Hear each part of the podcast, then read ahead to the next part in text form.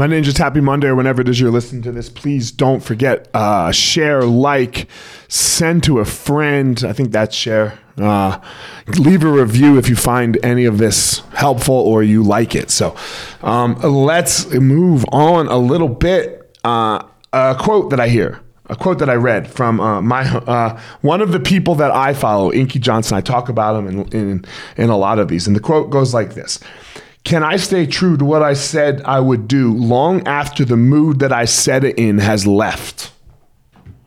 Can I stay true to what I said I would do long after the mood that I said it in has left?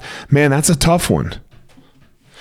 Because in that mood when you said it there was a lot of motivation. There was a lot of excitement. There was a lot of hype. There was a lot of yeah i can do this.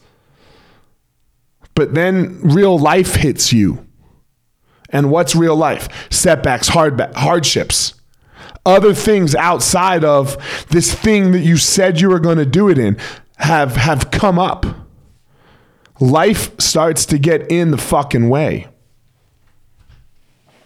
and then we fall off. And then we fall off and we fall off and then we make excuses. And look, I'm not saying it's it's it's okay. We all do it. But if you want to get shit done, if you want change, if you want improvement, you can't allow that that can't be the way. I always liken it to sports, but sports is just it's it's such a great uh, tool it's such it's it, it puts it right in front of you. Both of my kids want to be in the NBA. Simon, my youngest, thinks he's going to be in the NBA and the NFL. I don't know how it's going to happen because they, they, they play the seasons at the same time. But either way, everyone, every little basketball, everybody, every little hooper that starts out loving hoops wants to, wants to be in the league. You know? They want to be in the association, they, they call it. Until the mood left you.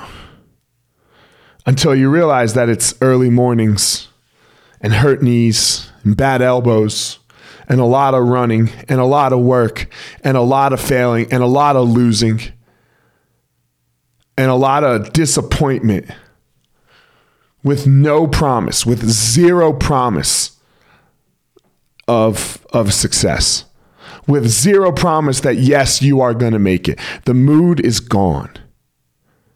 After you hit the game winning shot sometimes it's easy. Can you keep working after you get that promotion it's easy can but can you keep working a month later after you get fired because you didn't do a good job can you keep working can you stay in the grind so that you get those little moments of success. Little moments. Another one of the people that I love to listen to said this about Kobe. Kobe worked for 20 years to be a champion for five days. Kobe worked for 20 years to be a champion for five days. You're only a champion on the day you win the championship. That's it. That's the only day you're a champion. After that, you have to you have to get on the, the horse and become a champion again. Tim Grover on Kobe Bryant. Can you keep doing the work when all of that motivation is gone? Discover your passion, find your power. Go give your purpose to the world, my ninjas.